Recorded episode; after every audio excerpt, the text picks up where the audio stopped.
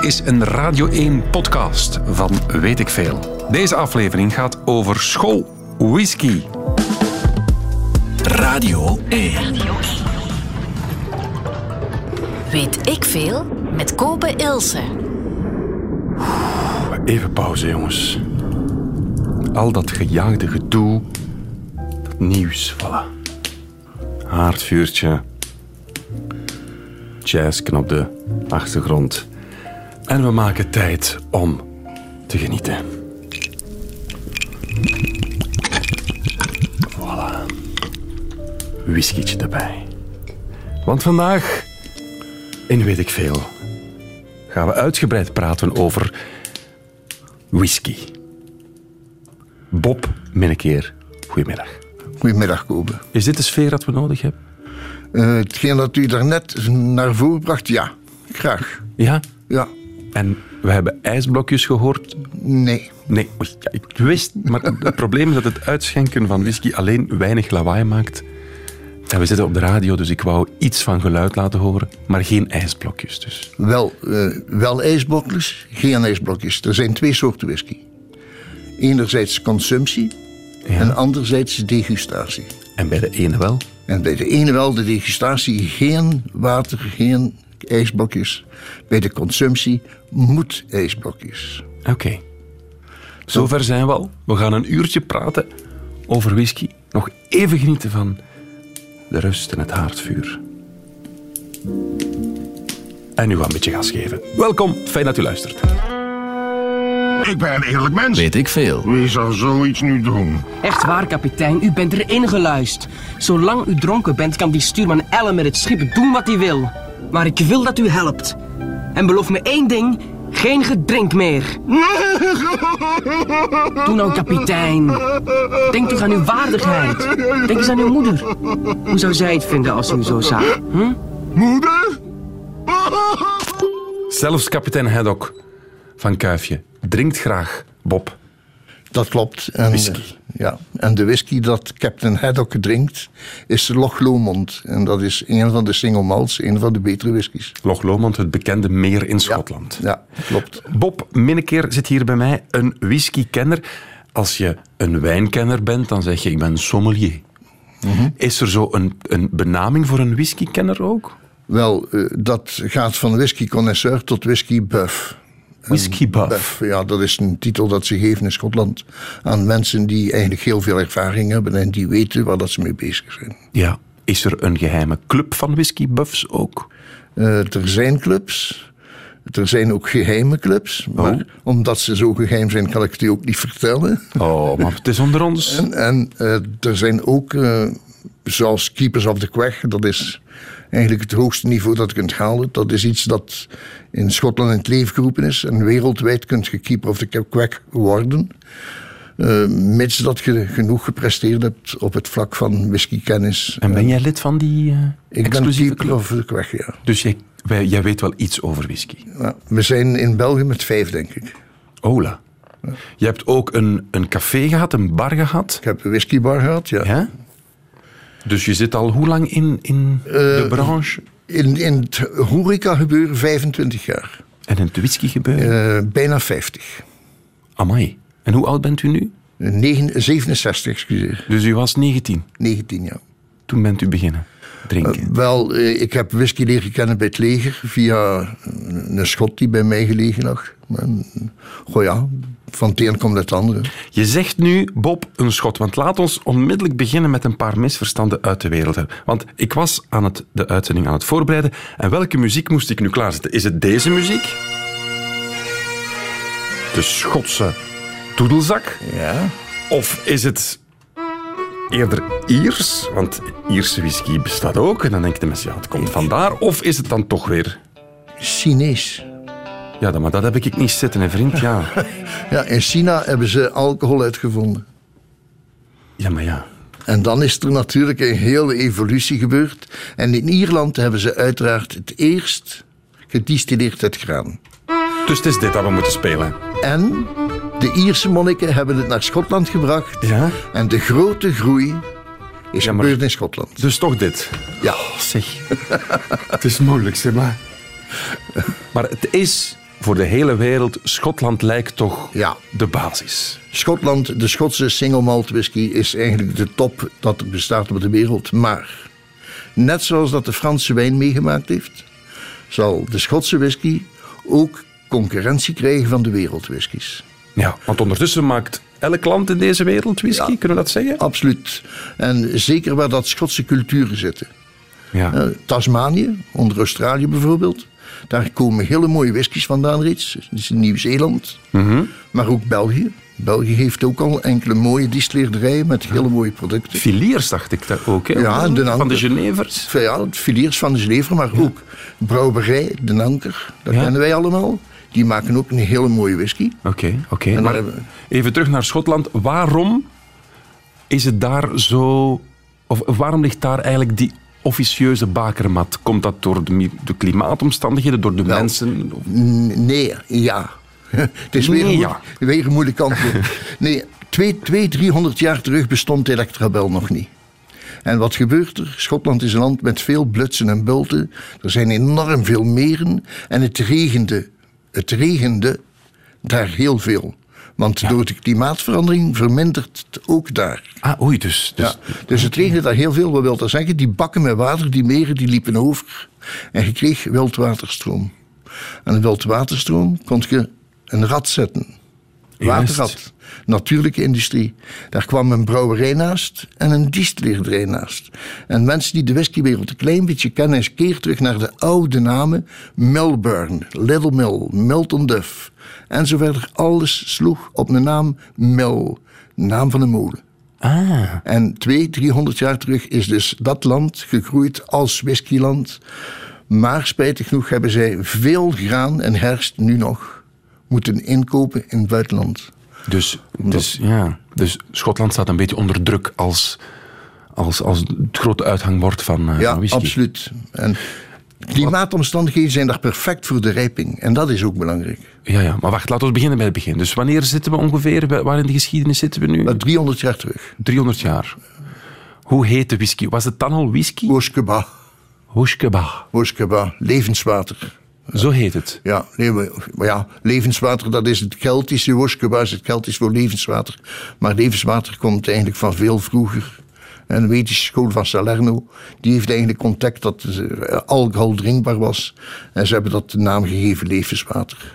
En was dat eerst een soort goh, familieaangelegenheid van iedereen deed maar wat en, en Huiskamergebeuren. voilà. Huiskamergebeuren, ja, absoluut. Er werd heel veel gedistilleerd en zelfs heel veel clandestien. Maar uiteraard heeft, heeft men gewaar geworden dat er daar ook handel in te drijven was. En werden er meer en meer professionele distilleries gebouwen. Ja, en ook men- eerst clandestien. Eh, Maar daarna is nu juist alles legaal. En, eh, En wanneer is eigenlijk whisky de wereld gaan veroveren? Wanneer kunnen we dat zeggen? Goh, whisky heeft eh, eigenlijk al heel lang de wereld veroverd. Van het moment dat dat bestond. Iedereen is wel een beetje getiktakt om sterke drank te drinken, toch veel mensen. Maar het heeft zijn, zijn doorgang, of toch de sterke opgang gekend tijdens de kolonisatie. In de tropen werd er heel veel whisky gedronken. Ja. En dat is gewoon omdat er een medische reactie is als je alcohol drinkt. Er gaan hormonen stilvallen die normaal de nieren doen werken. Ja? Eh, of s- tegenhouden met werken, excuseer. Ik Ja. vertel het omgekeerd. Dus als jij alcohol drinkt, dan gaat er een kwap hormonen niet meer uitzenden naar de nieren om de nieren een beetje tegen te houden. Ja. Dat ze niet al het vocht uit het lichaam zouden halen. Met resultaat in de tropen moest men meer plassen en transpireerde men minder. En dat is de reden waarom dat men daar veel whisky dronk. Is dat medisch bewezen, vriend? Ja, Zeker? ja. Oké. Dus whisky was een soort anti-zweetmiddel. Ja, absoluut. En die mensen die, die in de kolonies gezeten hebben, die terugkomen, dat, dat whisky gebeuren is dan ook een beetje de wereld beginnen overspoelen. En in de begin jaren zeventig, die werd er altijd maar meer naar kwaliteit gekeken. En minder naar kwantiteit. Het is al sinds de jaren zeventig dat onze culinaire wereld op zijn kop staat. Dat mensen minder drinken, maar meer genieten. Oké. En de laatste tien jaar hebben we dan nog een klein beetje eh, alcohol, rookverbod en wat weet ik veel, veel controles. De laatste twintig jaar, laten we het zo zeggen. En mensen gaan uiteraard meer genieten van betere kwaliteit en minder volume nemen. En dat is goed voor whisky, wat toch een soort kwaliteitsproduct Absoluut, is. want van 70 tot nu is het nog altijd een stijgende lijn in productie. Dus ook in consumptie. Spreek je ook voor jezelf? Ik spreek in, niet alleen in consumptie, maar er is ook een verzamelboete ontstaan. Het hebben van. Het hebben van En niet zozeer het drinken van. en investeren. Daar gaan we straks over praten. Want er is een soort whiskybeurs, hè? Of meer of dat. Ongelooflijk. Met de vapuur werd de turflaag uit de moeren losgestoken. En dit is nu uiteindelijk een turfgreef. Met de turfgreef stak men de turflaag eveneens los en eveneens uit de moeren. Wij tonen u nu een turfbijl. En de bijl dient om de klotten los te kappen Het is ons een waar genoegen u ook de klotslager te mogen laten zien. Heerlijk, het VRT-archief. Want het gaat over whisky vandaag. En je hebt geen whisky, Bob Minnekeer, zonder turf. Dat zou ik niet durven stellen. Vertel. Er zijn dus whiskies waar dat turf zeer belangrijk is, maar er zijn ook whiskies waar dat wij absoluut geen turf nodig hebben. Eerst en vooral, wat is turf? Turf is een grondsoort. En dat werd vroeger gebruikt. We kunnen dat een beetje vergelijken met eh, hetgeen dat wij ook in België hebben. Veen. Ja, wat Dat is mossig. een laag oppervlaktebegroeiing die zich opgestapeld heeft. Mhm. En in Schotland, die hebben dat, maar, en ook in Ierland, maar meters dik. Dus als zij dat ontginnen, kunnen zij dat gebruiken als brandstof. Oké. Hetgeen dat dat wel als neveneffect heeft, dat kan een enorme rookontwikkeling hebben. En sommige granen waar dat whisky van gestookt wordt, waar ermee- worden ermee gerookt. Net zoals ze ham of vis roken. En dus de whiskies waarvan het graan gerookt is, die gaan ook een rokerige smaak hebben. Oké. Maar er zijn whiskies die absoluut niet gemaakt worden met gerookt graan. Daar is die turf dan ook niet belangrijk. Juist. Maar vroeger was dat de brandstof van de Ier en de Schot. Gewoon zoals wij bruinkool en steenkool kennen. Dus we kunnen zeggen dat Ierse en Schotse whisky eerder rokeriger is dan... Jawel, in Ierland geeft men bijna nooit de whisky gerookt. Nooit. Alle Ierse whiskies hebben zeer typische fruitige smaken. De meeste toch. Op enkele on- uitzonderingen na natuurlijk. En de Schotse whiskies daartegenover worden wel ietsje vlugger gerookt. Oké.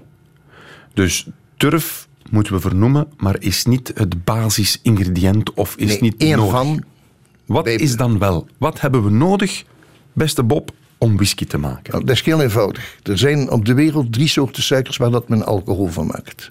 En wij kunnen dat onderverdelen in heel eenvoudig te begrijpen: fructose, maltose en sucrose. En de fructose komt van fruit, dus druiven, dat wordt cognac, dat zijn fructoses. En als wij sucrose pakken, dan hebben wij suikerriet, dat wordt rum. En als wij de maltoses pakken, dat zijn de graansoorten, daar worden vier dranken van gemaakt. En dat is enerzijds gin, jenever, vodka en whisky. Het verschil met die eerste drie is dat wij whisky laten rijpen en de andere drie worden als witte alcoholen verkocht. Dus eigenlijk, het- het- voor het rijpen is een whisky, het destillaat, gelijkaardig aan een vodka of aan een gin. Voilà, behalve dat de installaties misschien iets anders zijn van de productie, maar het zijn Vol is hetzelfde. dat hetzelfde. Ja, je hebt graan nodig, je hebt gist nodig en je hebt water nodig. En wij kunnen beginnen. En wat moeten we met dat water, met die gist en dat graan doen? Opkoken. Wel, om te beginnen moeten we het graan laten kiemen. Want tijdens het kiemproces gaat er zich iets vormen in het korreltje die de diastase bewerkstelligt. Dus de suikervorming. Ja. Want eigenlijk hebben wij suiker nodig om alcohol te bekomen. Voilà. Dus tijdens dat kiemproces vormen er zich suikers in de korrel. Nadien, na het malen, wordt dat gemengd met warm water en gaan die suikers smelten. Dan hebben wij een zoete vloeistof. En die zoet- zoete vloeistof die gaan wij laten gisten. Dus we gaan er gist aan toevoegen. En die gistcellen gaan de suikers aanvallen, omzetten naar alcohol en wij krijgen bier. Als wij dat hier in België maken, gaan wij dat nakoken met hop, gaan wij dat afwerken met kruiden. In Schotland niet. In Schotland gaan ze dat bier gewoon distilleren. En ze gooien al de rest weg en ze halen er gewoon de alcohol uit. En dat wordt hen dan later de whisky. Ah ja. Maar het nieuwe distillaat mag de naam whisky nog niet dragen. Want whisky moet gerijpt worden. Voilà. Hoe lang? Afhankelijk van het land. Vijf jaar in Ierland, drie jaar in Schotland en twee jaar in de meeste Amerikaanse staten. Oké. Dus als ik vandaag mijn eerste brouwsel heb, Ja, mijn eerste destillaat heb, distillaat, ja. destillaat heb, kan ik pas over twee jaar de boel verkopen. Of over In Amerika. in Amerika. Over drie jaar pas in Schotland. Ja. Als, als whisky dan wel te verstaan. Hè? Dan mag het wel We whisky. mogen het altijd verkopen, maar dan verkoopt het onder de naam New Spirit. Ah, oké. En een eikenvat. Ja. Dat wordt mij verteld, dat is essentieel. Dat is essentieel om whisky te laten rijpen. Ik heb hier een, een voorbeeld mee. Ik heb Ja. hier een plankje mee. Hè. Wij- Wij noemen dat een duig. Hè. Dat ziet eruit als een plank. Nu, die eikenvaten dat men gebruikt om whisky te laten rijpen, die worden nieuw gemaakt in Noord-Amerika, hoofdzakelijk. Wij kennen ook, dat is Quercus alba. We kennen ook Quercus robuur in Landse eik. Maar dat is wat grilliger van vorm en minder rendabel om vaten te maken. De Quercus alba is eigenlijk het rendabelst.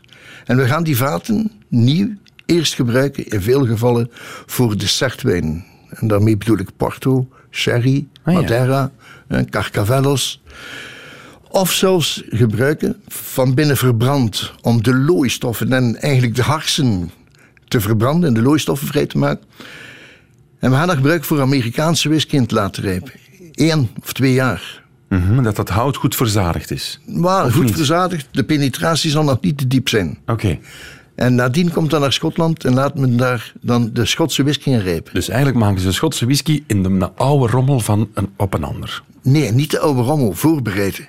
Ah, voorbereid. Zo, ja, zo kan je het ook zien. natuurlijk. Voorbereide vaten. Ja. En maar als wel men- gebruikte vaten, dat wel. maar wat gebeurt er bijvoorbeeld als je daar eerst sherry in laat rijpen? Ja. Dan gaat de sherry een derde diep in het hout penetreren. En dan gaat dat nadien zijn smaak terug afgeven. Gaat aan- zijn smaak terug afgeven aan de sterkere alcohol die er later in komt. Dus ik weet op voorhand niet, als ik mijn distillaat in een ton gooi, Wat resultaat dat gaat dat bekomen. weet je niet. 100.000 vaten vullen met hetzelfde product. Gaan er 100.000 verschillende whiskies hebben tien jaar later. Ongelooflijk, terwijl een bepaald merk wil toch altijd dezelfde smaak hebben. Bijvoorbeeld de 12-jarige, mag ik ik namen noemen? Natuurlijk, Glenfiddich, McKellen, ik zal de Glenlivet, die traditionele whiskies. De 12-jarige whiskies van die merken, als die opnieuw gebotteld worden, gaat men proberen om zo dicht mogelijk bij het vorige. Maar ja, hoe kan dat? Want je weet niet wat er uit die vaten komt. Wel, door een, in, op een, goh, in het labo van de distillery wordt in miniatuur een menging gemaakt. En gaat men toch iets bekomen dat de consument het verschil bijna niet smaakt. Maar dat is toch eigenlijk ook zonde, Bob, want dat maakt het net zo, zo bijzonder. Daardoor zijn nu ook al die whiskyclubs, omdat ze het zo bijzonder vinden. Ja. En dat ze ermee bezig zijn. Dus eigenlijk, wacht hè, want dat spul komt uit dat vat na 10, 12 jaar. Ja. We zien wel. Dat wordt geproefd door de meester distilleerder, denk ik. Ja. En die master be- blender. Master blender. En die moet dan op dat moment bepalen, er moet nog wat van dit bij, er van dat bij. Voilà. En dat is altijd de menging van de honderden verschillende vaten voordat men tot het resultaat komt. Ah, daarom noemen ze dat een blender, een Wel, menger. een blender eh, mag ook niet misbegrepen worden. Eh, Dat is niet enkel voor blended whiskies, dus de commerciële en de, de, de consumptiewhiskies. Een blender heb je ook nodig voor de betere whiskies. Eh, Het mengen. Toch? Ja, toch wel. en kan je ook niet gewoon wat van het vat komt kopen? Ja, dan zijn single casks. Single cast. Single, ska- single casks en zo bestaan er. Ik heb nu meer of 12.000 verschillende single malts geproefd. Ik ga nooit alles kunnen proeven. 12 dus. Er zijn er 100.000 verschillende, dik en niks. Ieder vat dat men afzonderlijk vult, is een nieuwe whisky. Ah ja. Je had in je leven nooit alles kunnen proeven. Maar het brengt wel heel veel ervaring mee. Als jij moet kiezen, heb je dan een, graag een blend of toch liever Single malt. single malt? Ja, Want toch dat is liever. het oerproduct Ja, natuurlijk. liever eh, het, eh, de kwaliteit. Ja. Maar ja, een blend is daarom toch niet minder waardig. Nee, maar een, een whisky cola met een, goede, met, met een goede whisky, en dat kan geen kwaad. En een blend on the rocks, dat kan geen kwaad om met vrienden een keer een aperitiefje te drinken.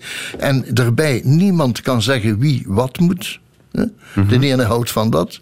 Maar de echte culinaire proevers, die zullen niet naar de consumptie gaan, maar gaan naar de degustatie gaan. Ja, niet zozeer het zuipen, eerder Nee, degusteren. eerder proeven, ja. Je zei het daarnet, hè, ik drink eigenlijk geen whisky. Nee, hè. Want na een avondje whisky proeven onder vrienden gaan wij allemaal, allemaal, nuchter naar huis. Maar jongen toch, Bob. Ja, Er staat een groot zwart kruis op je voorhoofd, vriend. ja, Dat geloof ik niet. dat kan. maar onderweg naar huis gaan we een pint gaan drinken. Ja, dus na de whisky-degustatie durven wij wel een keer een, een trappistje drinken, geen enkel probleem. Ja. Maar het is nooit de bedoening om daar dronken van te worden. Ik hoor het woord whisky-degustatie van hem, Bob. Ja. Mag ik mezelf uitnodigen? Ja. Ik ga je twee whiskies laten proeven Oké. en ik ga je leren ruiken. Want dit is eigenlijk een van de bijzonderste dingen in het proeven. De neus. De neus. Radio 1. Weet ik veel? We gaan proeven. Graag. Oké. Beste Bob, het gaat over whisky vandaag en weet ik veel. We hebben al veel geleerd. Waar het gemaakt wordt. Over de hele wereld. Hoe het gemaakt wordt. Eigenlijk heel simpel. We hebben Bier water- brouwen en distilleren. Voilà, en een eikenvat hebben we nog. En in één keer vat voor de rijping. En dan zei je, het is belangrijk om te proeven. Want het is natuurlijk een ding om te drinken. Nee, het is niet om te drinken, het is om te degusteren, zeg je. Het is om te degusteren. Voilà. En nu wordt het even Café Radio 1. Voilà. Oké. Dus we zitten op het café. Ik heb hier een eh, glas whisky gekregen van jou. Ja. En Moet ik u, walsen? U ziet, het is een ballonglas. Want in de whiskywereld gaan ze nogal veel tulpglaasjes gebruiken. Maar eigenlijk geeft dat niet het voldoende aroma vrij. Ja. En met de ballonglazen, want grote distilleerderijen die volgen mij erin. Dus met hun merknaam erop. ja. Je hebt veel ruimte nodig om je neus goed te kunnen... En walsen doen wij niet, want wijn moeten wij walsen omdat er daar zuurstof moet bij komen. Ja. Whisky daartegenover moet de eerste negatieve alcoholdampen kunnen laten verdwijnen uit het glas. Daarom is dit grote glas zo belangrijk. Dus niet walsen. Niet was. En dan houdt u het glas op 45 graden. en Met, de, dan met de vingers onderaan. hè. Ik mag- onderaan. Ja. En dan doet je de 360 graden nozing. Dus je begint met de neus in het glas heel zachtjes te ruiken. En gaat van beneden naar boven en je komt terug. En dan zul je zien dat je totale andere aroma's gaat ervaren. Dus mijn glas staat nu op 45 graden. De neus gaat erin. Amai. En beneden heb je de, eigenlijk de zoetere aroma's. Wacht, en Bob, boven, ik, ben, ik ben beneveld van de alcohol, eerlijk gezegd. en boven krijg je dus de zwaardere alcohol. Hoeveel graden is dit? Dit is 43 graden. Dit is een fruitige whisky. Dus als men dit proeft, dan neemt men een paar druppeltjes op de tong. En men houdt dat daar zeker 10 seconden. En laat het speeksel zijn werk doen. Laat het wegsmelten op de tong, dat het al de smaakpapillen kan raken. En probeer heel langzaam langs de neus een klein beetje lucht naar buiten te blazen. Terwijl dat de whisky in de mond smelt. Ja. En dan zal de voelen dat in de, keel, ke- in de neusgold en in de keelholte dat smaakpalet volledig openbloeit. Moet ik, moet ik zuurstof ook binnentrekken, zoals bij wijn? Niets doen. Niet slurpen. Mhm. Want dan wordt het, dan wordt het agressief. Dus ik ga nu proeven. Ja. Ik ben geen whiskydrinker, maar ik geef het een eerlijke kans. Excuseer- Excuseer mij. Niet gewoon. En in de mond houden, 10 seconden. En nu proberen langs de neus een klein beetje. Hmm. En dan wordt dat voller van smaak. En daar denkt je daar nu bij een orangetje, chocolade met sinaas. En daarnaast die gaan we een klein beetje crevetjes eten. En dat gaat heel lekker zijn met een beetje witlof. En dat is een heel aangenaam aperitief. Maar we houden het bij druppeltjes. Ik ga dit glas niet ad fundumen. Nee, ik ben ermee akkoord, maar graag zou ik hebben dat het daarnaast een andere whisky ruikt, een totaal ander type. Dank je wel, wacht. Waardoor dat je gaat ervaren dat er een heel breed verschil in smaken zit. Ik moet wel zeggen, die eerste, normaal gezien vind ik whisky heel agressief van smaak. Begrijp je wat ik bedoel? Ja, die absoluut. heel typische whisky-smaak hou ik niet zo van.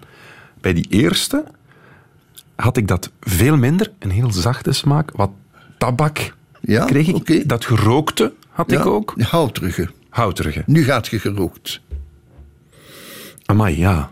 Dat ruik je onmiddellijk. En is dit dan die... Dat is turf? geturfrookt, ja. Dat turf, waar hebben we het er- Dat is het verschil. Dit is een fruitige whisky. Dit is een geturfrookte whisky.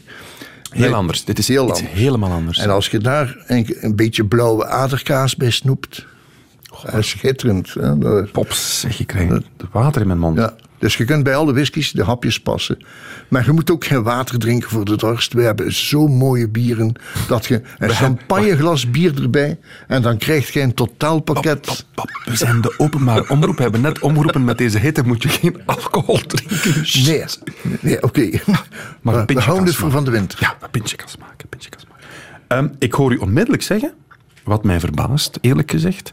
Bij die whisky gaan we een blauw kaasje doen. tit, tit, tit, tit, tit, tit, tit. Terwijl ik wist niet dat je whisky echt in combinatie met eten moest degusteren. Wijn en bier wel.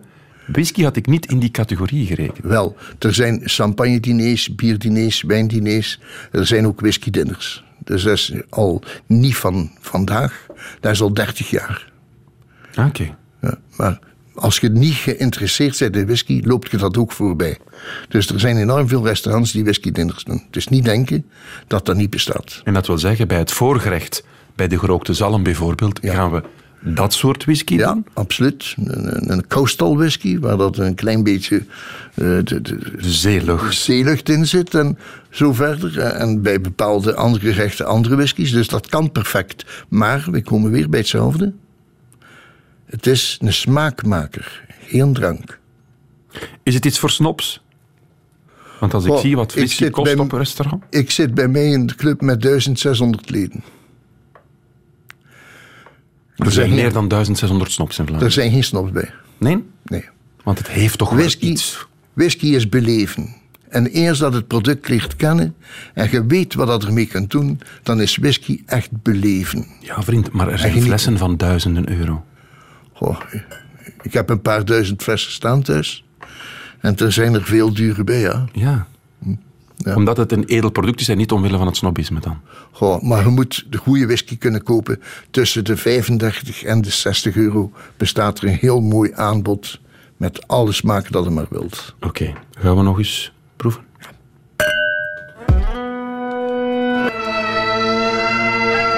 tenslotte doedelzakkend door de straten van de hoofdstad.